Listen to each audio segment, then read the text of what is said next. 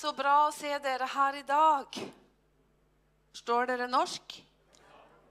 Ja, det er fint. Så hvis jeg bruker noen ord dere ikke skjønner, så får dere gi beskjed.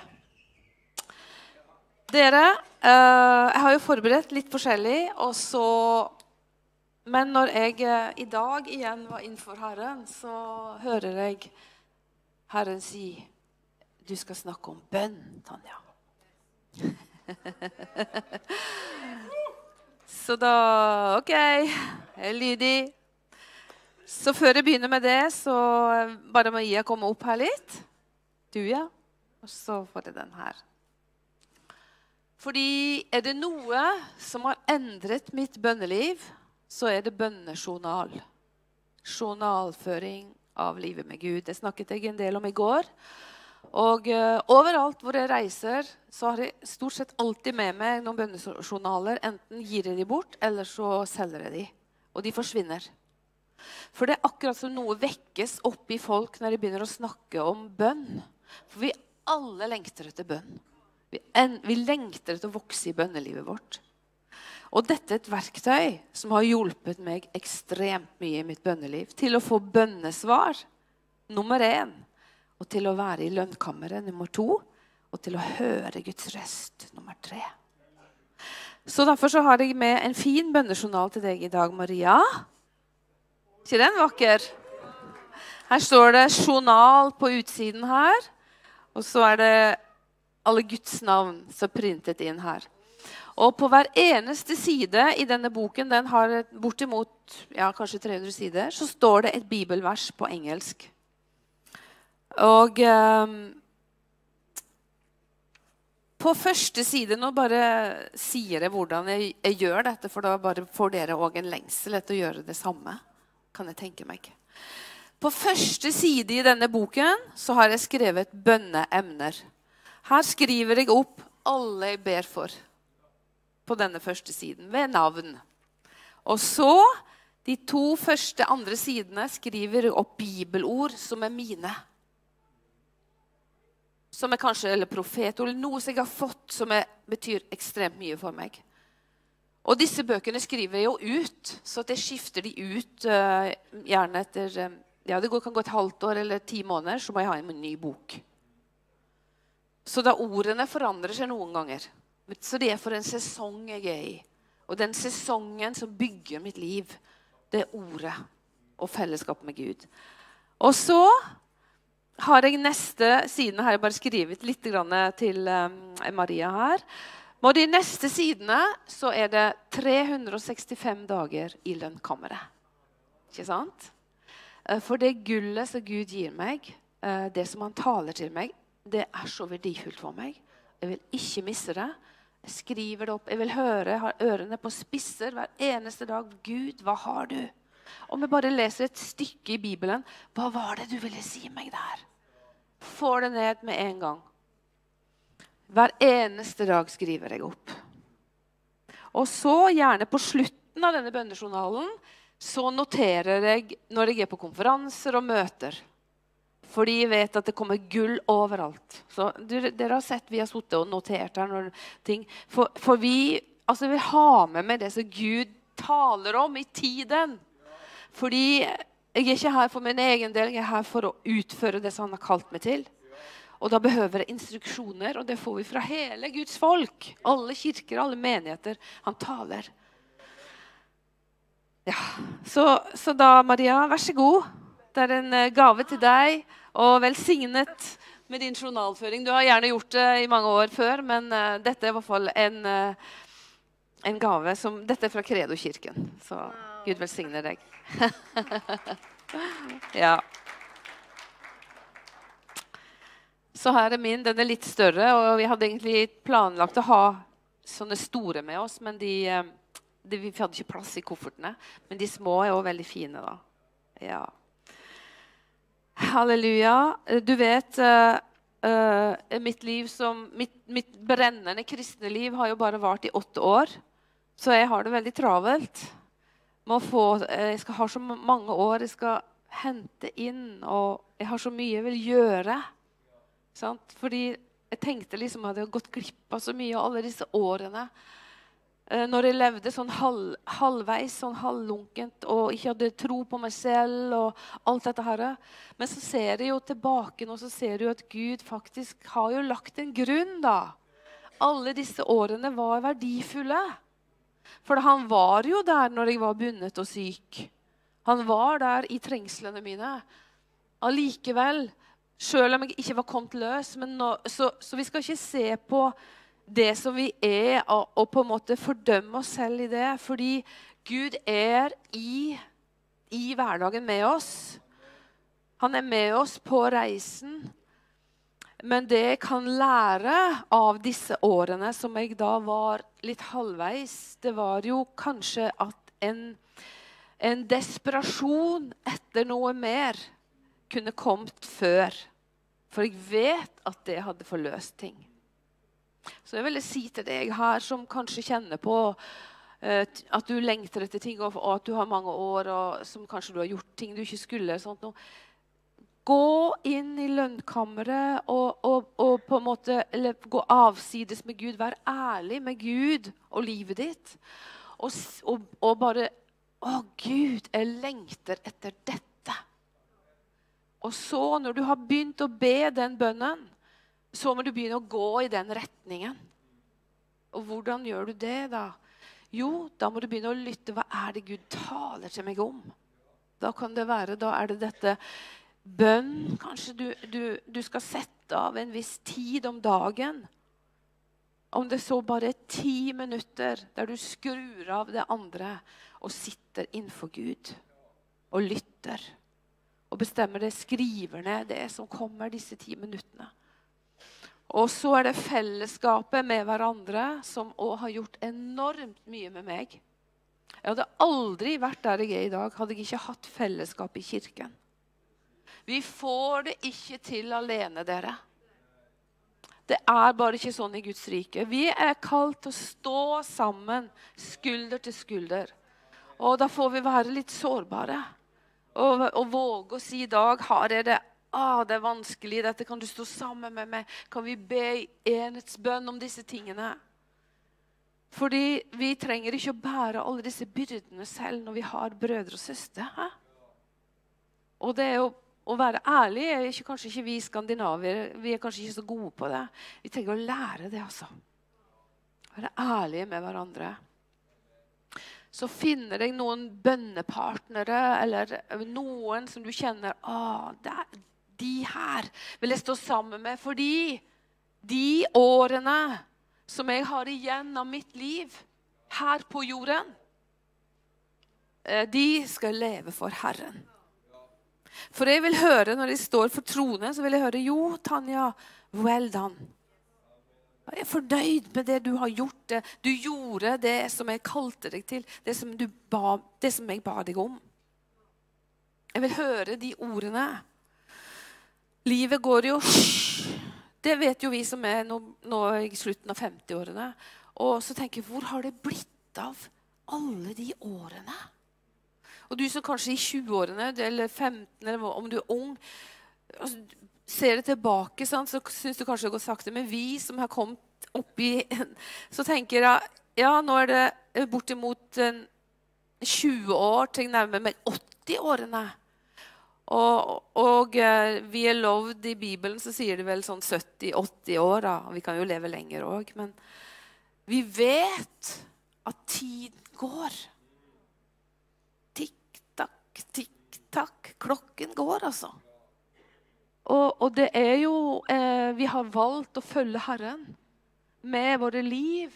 Vi har valgt å gi oss inn til menigheten.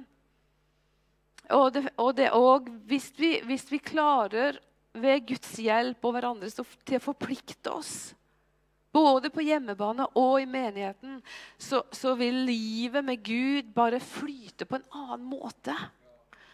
Istedenfor å bare være en møtebesøkende. Og det tror jeg er overalt i alle, men det har vi hjemme hos oss overalt. at at det er så lett å bare komme og tenke ja, men jeg er trofast. Jeg kommer i hvert fall på møtene. Jeg er trofast med det. Men å, å, få på en måte del av noe av hjertet i menigheten din og gi deg til det, er noe som kommer til å forløse gaven og det som Gud har kalt deg til.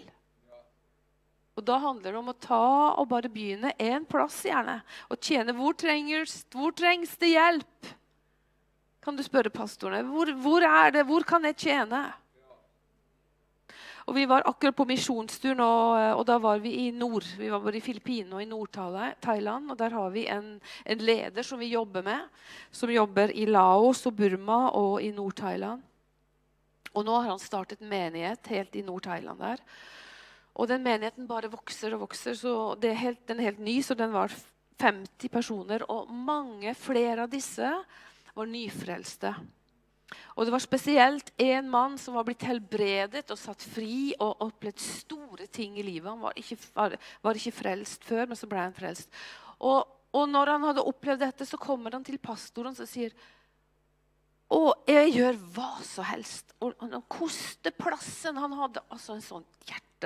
Å bare få gi tilbake noe til menigheten som hadde eh, endret alt i livet hans. Alt kan jeg få bare få overla la meg få tjene tilbake.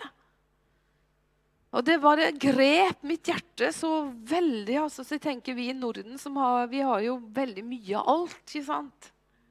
Vi har så vi klarer oss. Der er det jo mer fattig i den enden der som vi var. Og, og sånn, Vi trenger å lære av de her.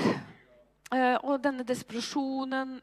Og da, at denne bønnen fra vårt indre begynner å stige opp. For vi er kalt til å påvirke. Vi er kalt til å gjøre en forskjell med våre liv. Vi må aldri tro at det er disse pastorene som skal gjøre alt. Det er en sånn løgn. Å, fordi det er hver eneste en i kirken er så viktig. Og det var det sløret som var altså Jeg var jo til og med pastorkone, og dette sløret hadde jeg foran meg. Fordi jeg var så full av frykt. Så jeg, jeg tenkte ikke at det var viktig. Jeg tenkte ikke at mine bønner og det som jeg gjorde, var viktig. Men Olav sa til meg en gang, og det, det var midt i krisen Vi, vi, Alle forsvant i menigheten, og lovsanger og alt. Det sto igjen én med gitar, og vi hadde stort band vi før. En eneste musikal eh, som spilte gitar, som sto igjen. For da ville alle bare rømme pga. krisen. Og, eh, og, så husker jeg Vi hadde en samtale hjemme. Det var jo før jeg var blitt fri. Og så sier Olav Om du, Tanja, ikke står med meg, da vil jeg aldri klare det. Jeg var ikke gjennom. Eh, det var jo ganske i starten, for jeg kom gjennom i 2015. Og det bare å, det rystet meg. Ja, betyr jeg så mye for deg, Olav? Jeg, jeg føler ikke at jeg, jeg har ikke det styrken åndelig og alt det der. Men han bare sa det, og det bare gjorde satte sverdet i meg. Og jeg skjønte å, selvfølgelig. Jeg gir jo alt det jeg har. Men når det kom løs, når Gud satte meg fri, så ble vi jo stående ett foran. Sant? Og hørte røst, kunne menigheten høre min røst òg. Men sånn var det ikke før. Han sto alene. og Ola måtte stå disse årene alene. El, ni år sto han alene. Uh, og Det gjorde jo han sterk òg, selvfølgelig, men det var en voldsom seier for han når jeg kom løs. Men du kan tenke deg, det var mange som ba for meg. Så så denne bunne pastorkonen som aldri sa noe. Ja. Jeg så ikke folk heller. og Jeg har fått høre masse historier etterpå, men nå, jeg elsker jo menigheten min og folkene mine. Marianne, du må komme opp. Vi har jo eh, eh, Når Gud satte meg fri, eh, så sier Herren eh, Nå skal du Bare komme opp her, du. De bruker å gjøre sånn som jeg sier, skjønner du. Når Gud satte meg fri, så sa Herren nå skal du samle um, en fem-seks damer, så skal dere begynne å be. Og hver eneste mandag så begynte fra 2016 På kvelden hver eneste mandag så var vi seks damer som bare var innenfor Gud og bare begynte å rope fra våre hjerter. Gud skulle bevege seg. Vet du hvor? I kirken først og fremst. Vi ba for pastorene, vi ba for ungdommene og barnearbeidet. Og så ba vi for, for byen og frelse. Disse tingene som vi var lagt på, det var ansvarliggjort. Ikke sant? Så, så hun er en av disse som har, har vært med. Vi er jo venninner, vi har kjent hverandre i mange år. Og før jeg var fri, så oppmuntret hun meg masse. Kan ikke tro på meg sjøl. Hun ga meg masse oppmuntring. Så vi trengs. Om ikke vi er fri, så trengs vi allikevel, for vi er på vei alle sammen. Sånn? Ikke tro at du ikke er på vei noen plass. Vi er alle på vei. Gud har noe stort for oss. Marianne har en sterk historie som hun skal fortelle nå. Hallo? Eh, jeg skal bare fortelle litt uh, ifra uh, en historie om hvordan Gud førte meg ut i frihet. Eh, når jeg vokste opp, eh, så eh, kom det veldig tidlig i min, oppvekst inn veldig negative tanker i eh, mitt liv. Eh, så når jeg var åtte år, så begynte jeg å eh, planlegge ta livet mitt. Så Det høres litt helt vilt ut, men sånn var det. Jeg var overbevist om at ingen var glad i meg, og at det var best for alle at jeg ikke var her. Eh, det var jo selvsagt helt sikkert demonisk. Men sånn fortsatte det hele tenåringsalderen. Det har vært mange turer opp på tak, opp og ut på bruer, forskjellige ting. Eh, og det var stemmer som talte til meg. Eh, hopp. Ta livet ditt så får alle det andre det mye bedre. Eh, jeg følte jeg hadde ikke kontroll. Eh, fungerte innimellom, og så var det disse her tingene. og Det var som en makt som bare styrte livet mitt. Eh, når jeg ble 20 år, så bodde jeg i Stavanger. Jeg hadde nett møtt han som jeg er gift med. Jeg Eh, vi var ikke kjærester. Han inviterte meg med på et møte. Han hadde sittet i et telt.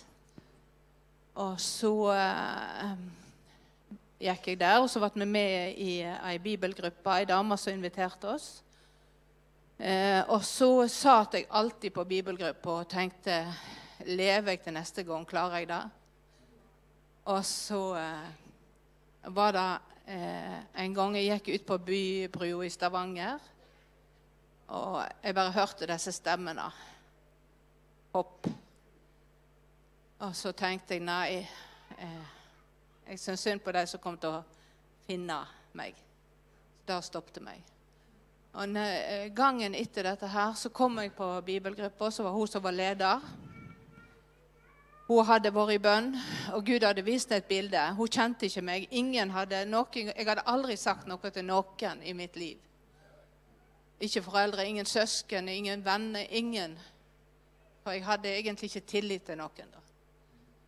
Eh, og så eh, sier hun eh, jeg har vært i bønn, og Gud har vist meg et bilde. Og det gjelder deg, Marianne. Og der satt ei hel gruppe med folk der. Eh, ja, sa jeg. Samme hva det er, bare si det. Det betyr ingenting. Jeg så du gikk ut på ei bru, og du hadde tenkt å ta livet ditt. Det er jo Gud. Det er jo Gud. Og så, eh, så det er jo kunnskapsord.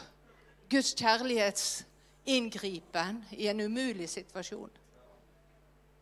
Guds kunnskapsord er Guds kjærlighetsspråk. Og det er en kraftgjerning. Og så var det hun mannen bar for meg og brøt dødens ånd over mitt liv. Og da tenkte jeg nå er jeg fri. Og da var jeg Jeg kjente at fra den dagen så kunne jeg velge liv eller død.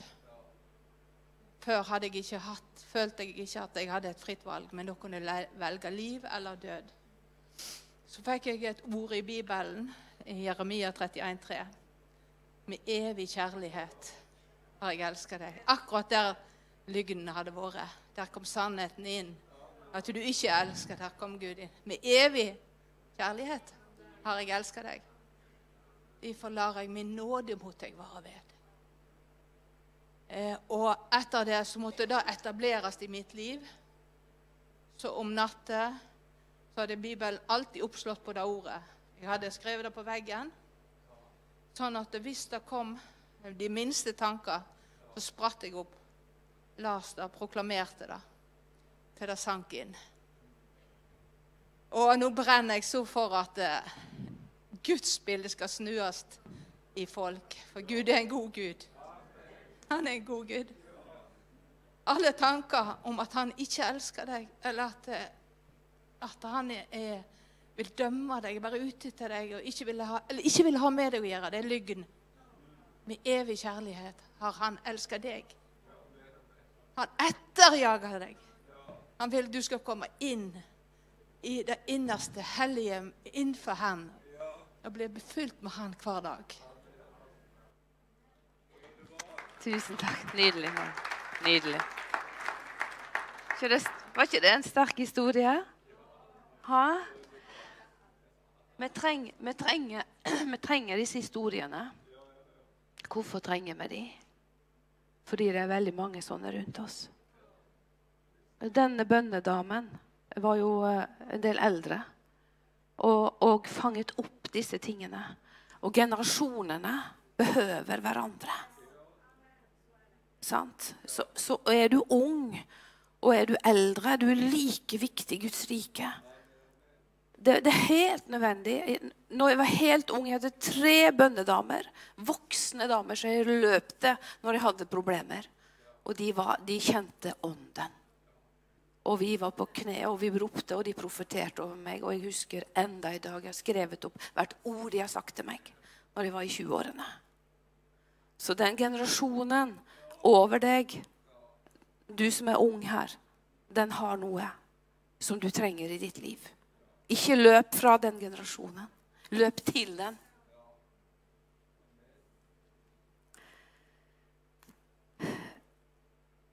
I dag så leste jeg eh, om han Charles Finney. Dere har sikkert hørt om han.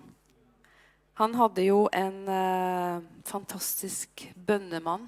Har dere hørt om han òg? David Nash heter han. Nash. Fader Nash.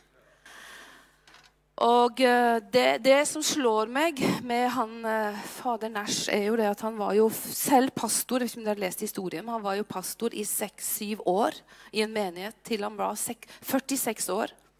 Og det var mange som ble frelst, og han, han, fikk gjort store ting.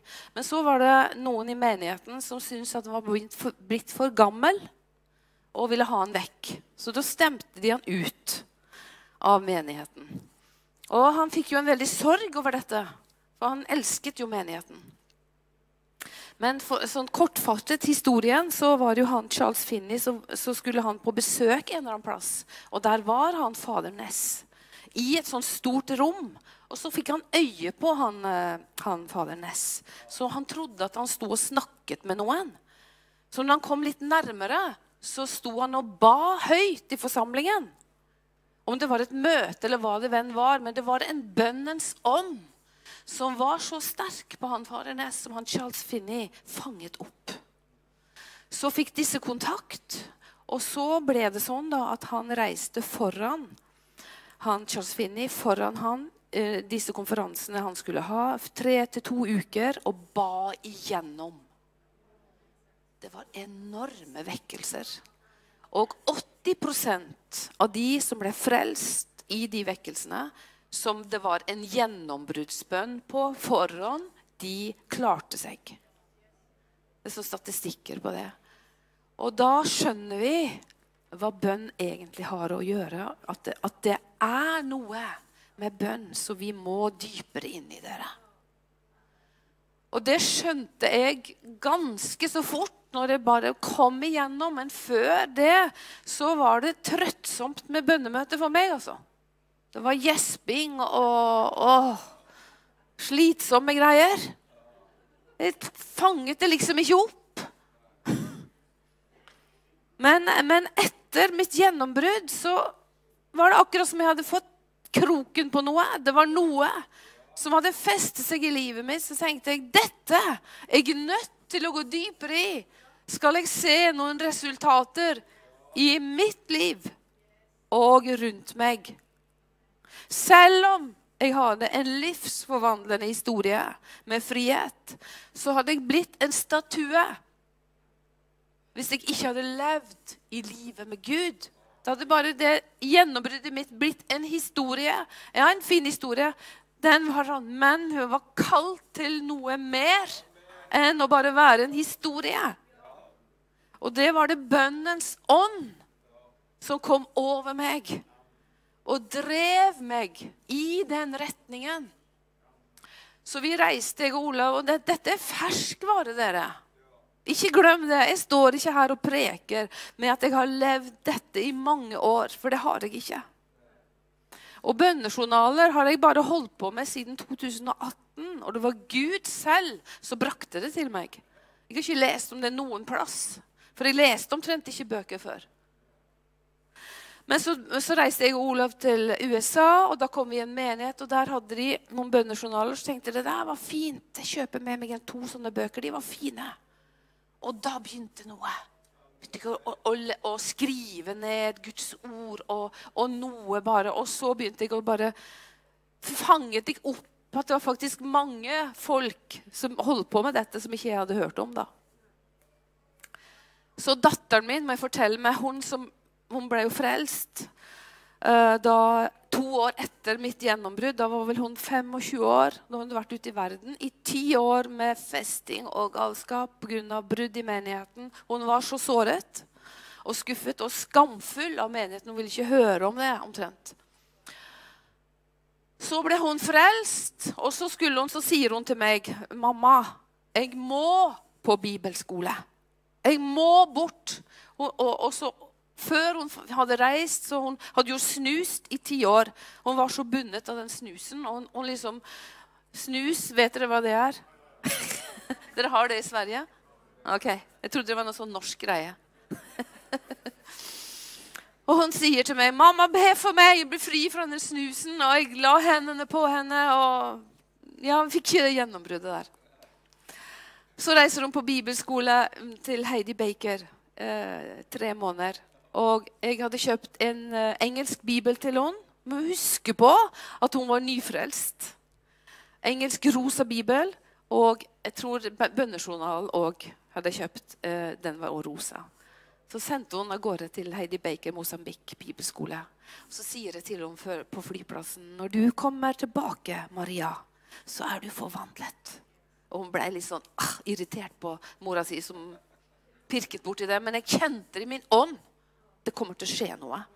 Så begynte telefonen å komme. vet du, Hun ringte hjem og fortalte hva som hadde skjedd. Og, og det var spesielt én, én ting som ga henne dette gjennombruddet. Og den nøkkelen skal jeg fortelle dere. fordi de bodde jo i, um, i rom Jeg tror det var 40 stykker i sånn trange rom, køyesenger oppå hverandre. Veldig, veldig tett. Og flere aldre, selvfølgelig. Og så var det en dame, hun var nok litt eldre enn Maria, som hadde solgt alt hun eide, for hun ville bli nonne. hun ville gå i kloster. Hun hadde visst business og alt og greier. Men så skulle hun på denne bibelskolen først. Og eh, hun sto opp jeg tror det var klokka fire om morgenen og løp ut på lønnkammeret for å være alene med Herren. Hver eneste morgen enten var det fire eller fem, var hun ute alene med Herren. Og Hun lå i køyesengen over Maria, så Maria fikk jo med seg dette her, at hun liksom løp ut. Og, og, Maria ringte til meg og klagde på å det er så trangt, det er så varmt. Og, og, og da var det liksom brytninger. Sant? Men så begynte hun å se og følge denne, denne, denne lederen som gikk foran. Så tenkte Maria jeg skal gjøre det samme. Hun stå opp tidlig og fant et fjell utenfor med Bibelen og bønnejournalen og, og denne, denne, tiden med Gud alene der. Det var jo massevis av møter der. Og de, alle fantastiske predikantene som kom til den bibelskolen.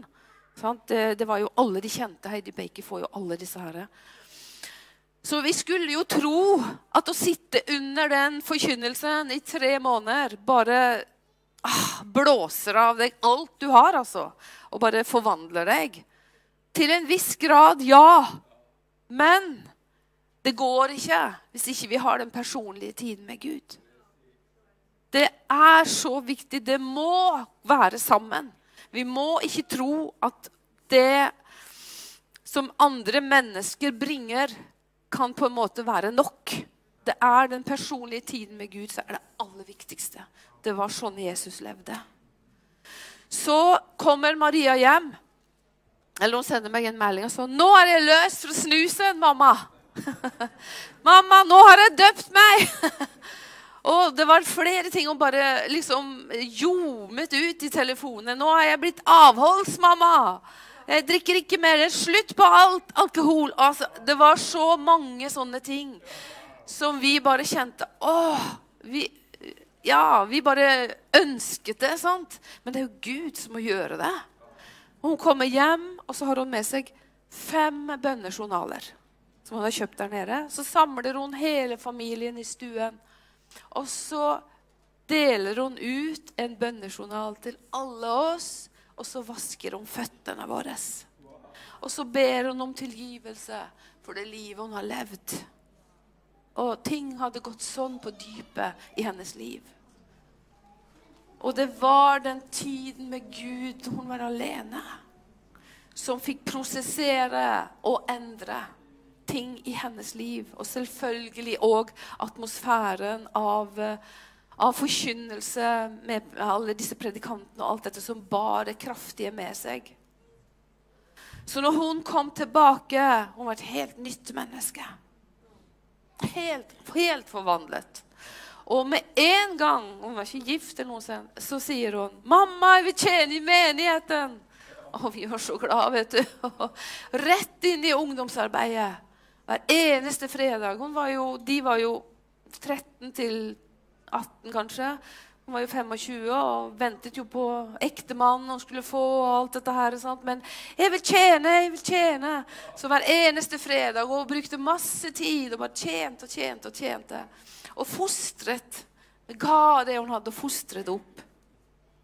Og Gud, så kommer Gud og, gir henne en fantastisk mann. Og, og nå er de uh, ung voksne pastorer i, uh, i Kredo-kirken. Og du kan se hva som skjer når, når folk begynner å søke Gud personlig. Det er bare livsforvandlende. Den personlige tiden med Gud er livsforvandlende. Det er det som gjør en forskjell, altså. I livene våre. Så jeg tror Gud kaller oss til å se hva, hva, er det, hva er det i mitt liv som kan endres på, sånn at jeg får denne hverdagsrytmen med Herren. For vi har alle de vanlige hverdagene, som jeg sa i går. De har vi flest av alle. Vi er jo kirka regelmessig, men det hjemme. Det livet hjemme. Så eh, Marie Monsen kjenner dere kanskje til, eller? Fortell en historie om Marie Monsen på slutten her. Hun var en eh, misjonær som ble sendt til Kina fra Norge. En sterk, sterk eh, kvinne. Hun var vel enten sykepleier eller lærer. Hun var faktisk fra Bergen òg. Og hun kom til Kina. Uh, det var på begynnelsen av 1900-tallet. Det var elendige tilstander. og hun skulle begynne å forkynne for disse kineserne. Og der satt disse kineserne, og de, de, hadde tatt livet av barna sine, veldig mange av disse. Fordi du fikk bare ha ett barn, og du skulle ikke ha jentebarn. Og, og det, det, var sånne harde ansikter som hun forkynte for når hun var misjonær der.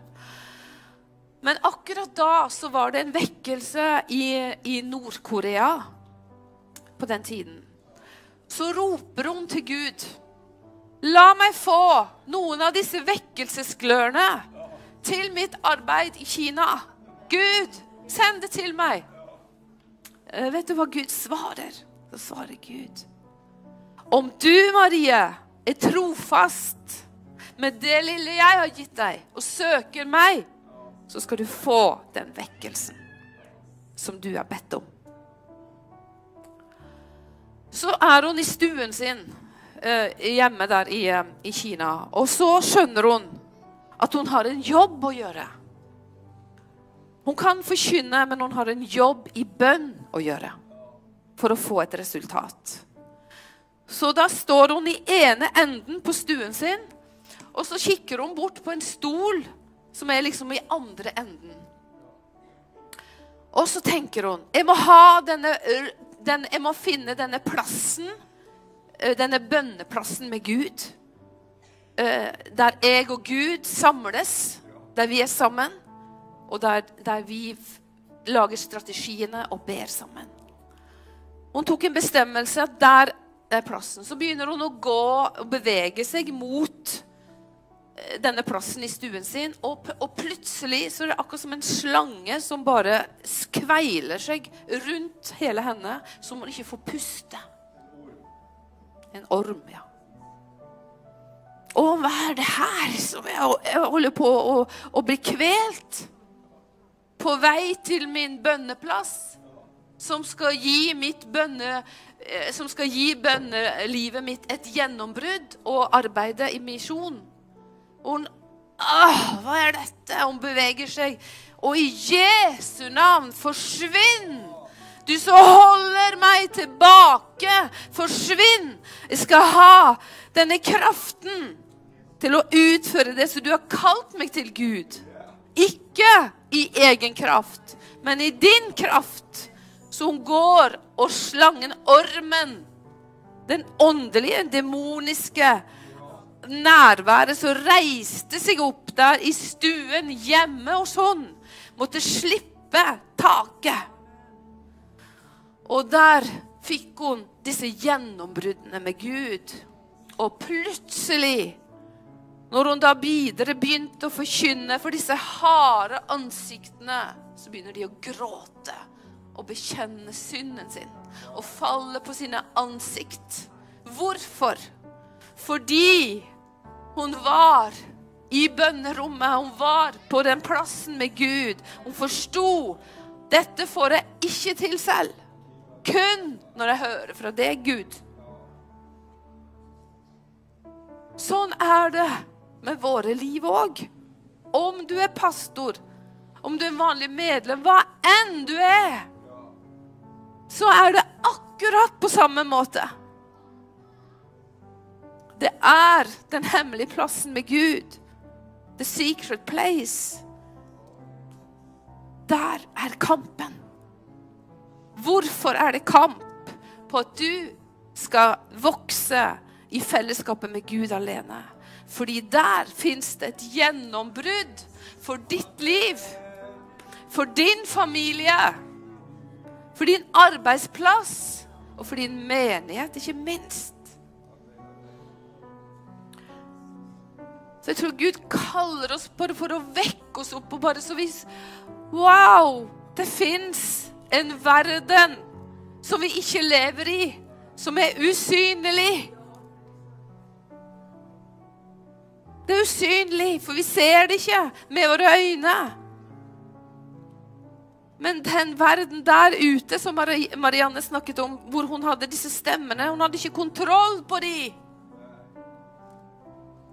Guds ånd bryter åk.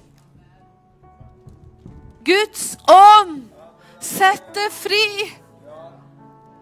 Guds ånd vil virke sterkt gjennom våre liv. Men vi vil slippe han til. Han lengter etter å få mer plass og tid med oss.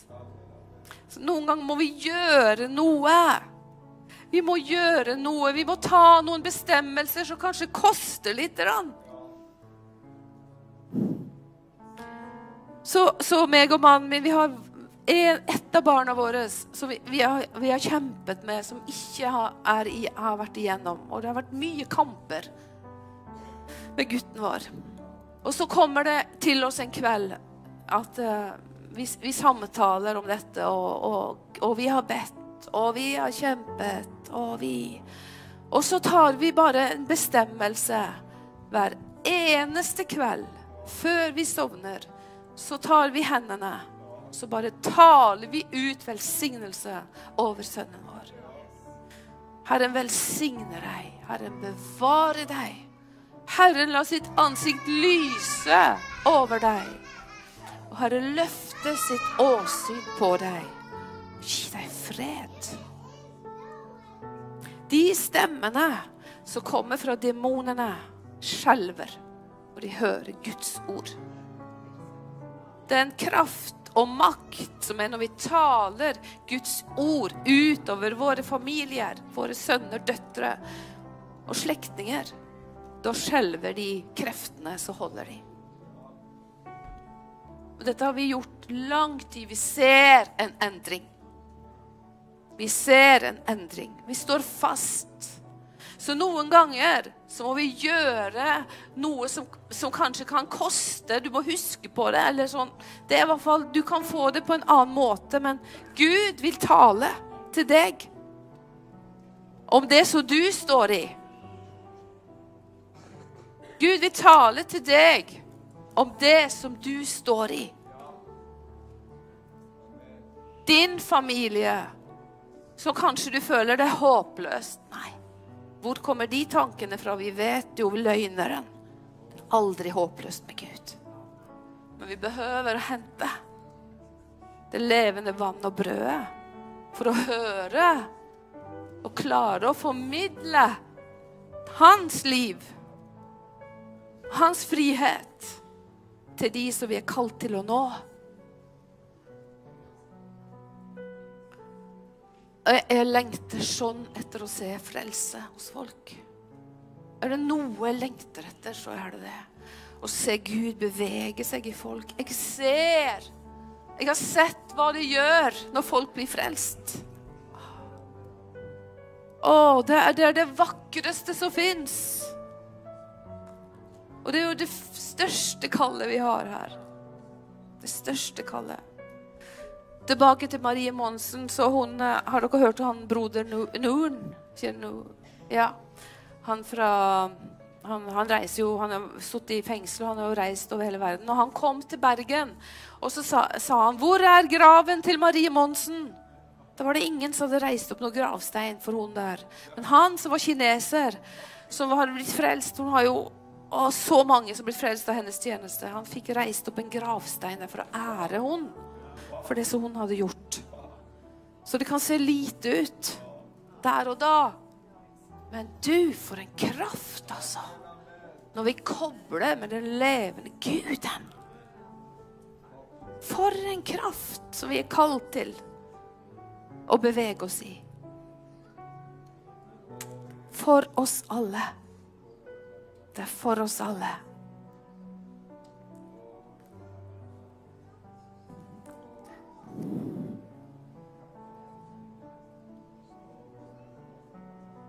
Skal vi reise oss?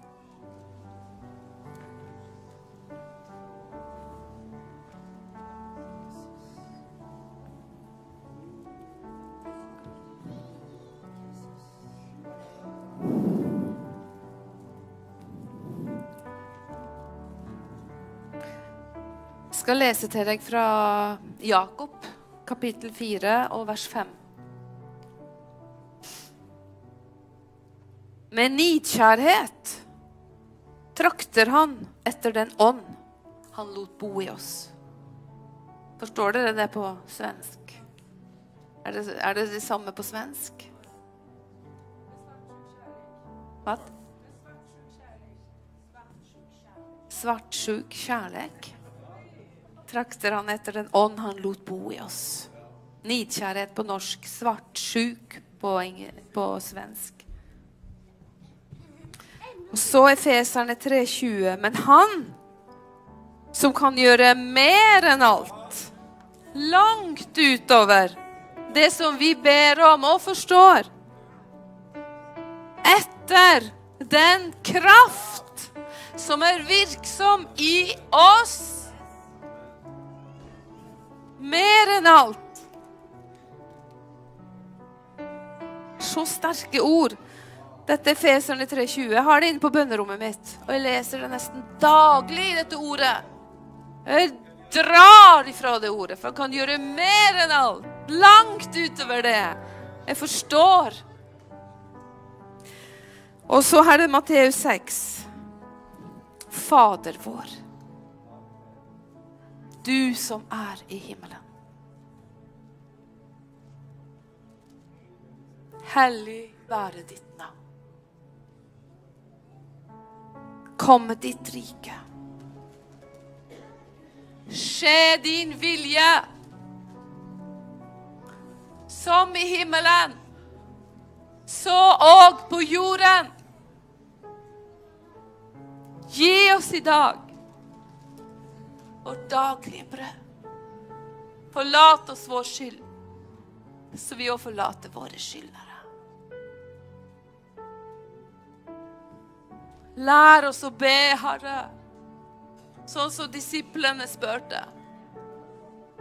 De spurte deg, Herre, og du lærte de denne bønnen, Herre. Vi skulle be på denne måten. Ditt rike skulle komme, Herre. Ditt rike som du kom med, Herre, når du døde på korset. Så sa du jo når du reiste, jeg overlater riket til dere, og Guds rike er inni dere. Så komme ditt rike i oss, Herre. Komme ditt rike i oss her, Herre. Skje din vilje, Herre, så som i himmelen, så på jorden. Så som himmelen, så på jorden. Hellig, hellig være ditt navn, Herre. Hellig, hellig være ditt navn.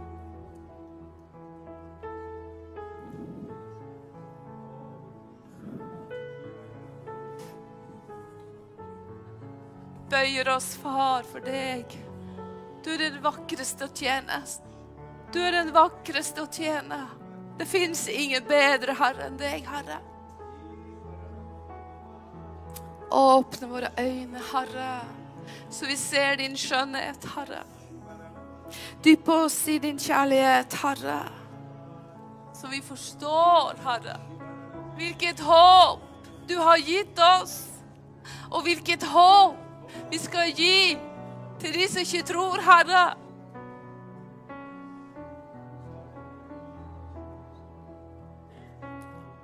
Herre, jeg ber for hver eneste familie, Herre, som er representert her inne. Jeg løfter opp hver eneste familie, Herre. Å, Herre. Og jeg vet at i hver eneste familie som er representert her, Herre, finnes det folk som ikke kjenner deg. Familiemedlemmer som ikke er frelst. Som kanskje er syke. Som kanskje er bundet, Herre. Men reis opp et lys, Herre, i enhver familie som stråler, Herre, i mørket. Og skinner, Herre, så sterkt, Herre, at mørkets makter, Herre, må bøye kne og avsløres. I Jesu navn. Jesu navn. Jeg bare taler ut frihet i enhver familie legedom, helse, gledesolje. Far i himmelen. Du har innstiftet familien, Herre, og vi beskytter familien i Jesu navn. Ekteskapet, Herre. Bare beskytter det, Herre, som et hellig samfunn, Herre som du har satt der, far. Og barnene, Herre. Beskytter det, Herre, Jesu navn. Far i himmelen. Far i himmelen. Takk, Herre. Jesus Kristus. Alle dere som har ufrelste i familien, kan dere rekke opp hånden. Så skal jeg be eh, for spesielt for de ufrelste som er i din familie. Herre, og da tenker jeg òg ikke helt nærmeste. Det kan være slek, eh, tanter, onkler, besteforeldre. Eh, Herre, vi bare ber, Herre. Se alle disse hendene, Herre. Vi ber i Jesu Kristi navn, Herre. Kom med din ånd, Herre, og berør, Herre. Slektningene til de som er representert her nå, Herre. Skap i de en lengsel, Herre, etter deg, Herre. Etter din, ditt samfunn med deg, Herre. Å, vi ber, Herre. Ber, Herre. Rekk ut din hånd, Herre. Rekk ut din hånd, Herre. Jesu navn. Jesu navn. Å, la lyset vårt skinne, Herre. La lyset vårt skinne, Herre. Når vi er der, Herre. Imodig, frimodig skal vi skinne, Herre. Og løfte opp at vi er frelst, Herre. Tjener deg, Herre. Følger deg, Herre. Disippel av deg, Herre. Far i himmelen. Jesu navn. Jesus.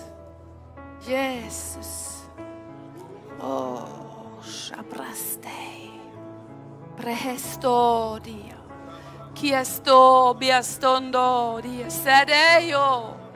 Meriedio sobi. Grando bastei. Sobe andò, Shiriario andò, Kiriaio, Ridiasso, Magia andò via, Shibiando sto, Miedio sto di diassendo, Chi esteia, Ridiobrando, Brigidia dosteia, Nesteia so.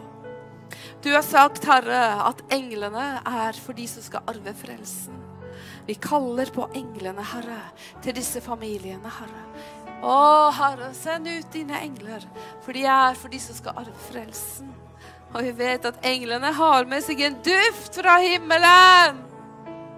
Å, å, la denne duften skape en lengsel etter deg, Herre. En lengsel etter deg, Herre.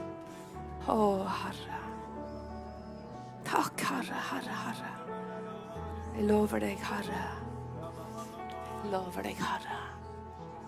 En ny bevegelse, Herre, i dette landet, Herre. En ny bevegelse i Norden, Herre. Og Guds folk, Herre, som reiser seg opp, Herre. Og tar sitt kall og ansvar på alvor, Herre. Og velger å gå sammen, Herre. Skulder til skulder, Herre. Alle menigheter sammen på tross av meninger og alt, Herre. Vi står sammen, Herre. For den siste vekkelsen, Herre, som du skal sende over, over verden, Herre. Å, la oss få bli med på det. Å, hvem vil bli med på den siste vekkelsen? Hvem vil bli med? Wow! Jeg lengter sånn etter den vekkelsen. Åh. Når folk faller på sine kne på gatene og begynner å rope til Gud. For Guds ånd er utgitt over folket, over jorden. Og vi er her for å forberede denne tiden, dere. Gud har sagt det til meg. Forbered deg, Tanja. Du må forberede deg. Det er en forberedelsestid før den store vekkelsen. Forbered huset ditt og menigheten. Forbered deg. Hvordan gjøre det? Til lønnkammeret. Til lønnkammeret med Gud og fellesskapet med de troende. Jesus. Takk for din bevegelse, Herre. Å, vi skal få se hva vi skal få se. Du vet, når jeg eh, Den natten når Gud brente bort eh, frykten og, og migrenen i livet mitt, som varte i mange timer, så plutselig så, så jeg en film på veggen. Og det har jeg aldri, verken før eller senere, gjort. Og jeg roper til Olav som ligger ved siden av meg. 'Jeg ser en film!' Tanja. Olav, jeg ser en film! Og da så jeg folk strømme til kirken. Det var trengsel for å komme inn. Og så så jeg ildtunger oppå hodene til folk. Og det handler om den vekkelsen som Gud holder på å forberede for oss. For sitt folk, for at den vil nå ut. sant? Så mørkes makter skal avsløres.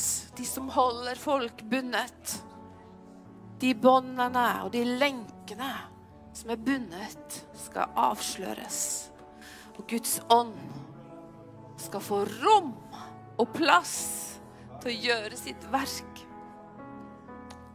Til en siste innhøsting før Jesus kommer igjen. For han kommer igjen. Vi skal bli med. Han kommer igjen. Vi skal være med. Men vi skal ha med oss en skare. Det er det vi lever for. Alle kristne lever for det. Ikke bare evangelistene. Alle er evangelister. Vi er alle det. Vi lever for å få med den skaren. Halleluja.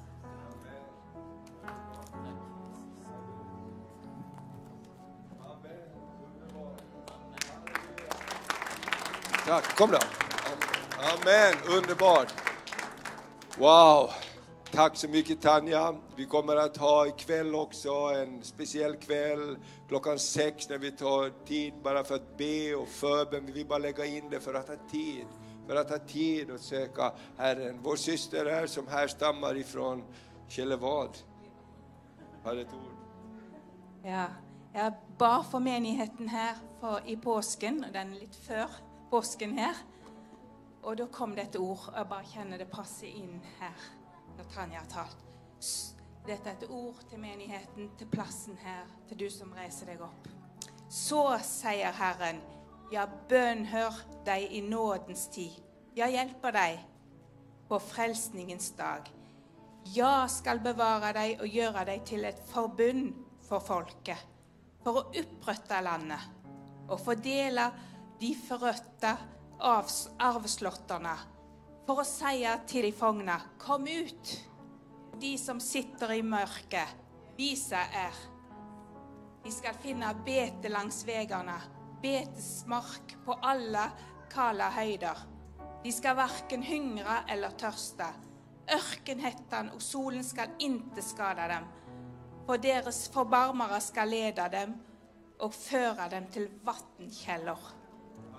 Jeg skal gjøre alle mine berg til jevne veier, og mine banede veier skal bygge høyere, bygges høyere. Se, det kommer fra fjärran, ifrån några från norr og andra från väster, några från Sinerans land. Kanskje det er Costa Rica, jeg vet ikke. Jubla, ni himler, og gled deg, du jord. Brist ut i jubel, ni berg. For Herren trøster sitt folk og forbarmer seg over sine betrykte. Og bare kjenner det kommer en ny styrke i forsamlingen her. Å, det kommer til å komme disse menneskene som er fortrykte, og bli fri i forsamlingen her. Wow, underbart. Takk, Jesus. Amen, amen. Så bra. Visst var det Jesaja 49? Det är ett väldigt bekant, bekant ord. Amen. Bekant ord till den här församlingen. Sen alldeles, den startade för 35 år sedan så kom det här ordet till församlingen.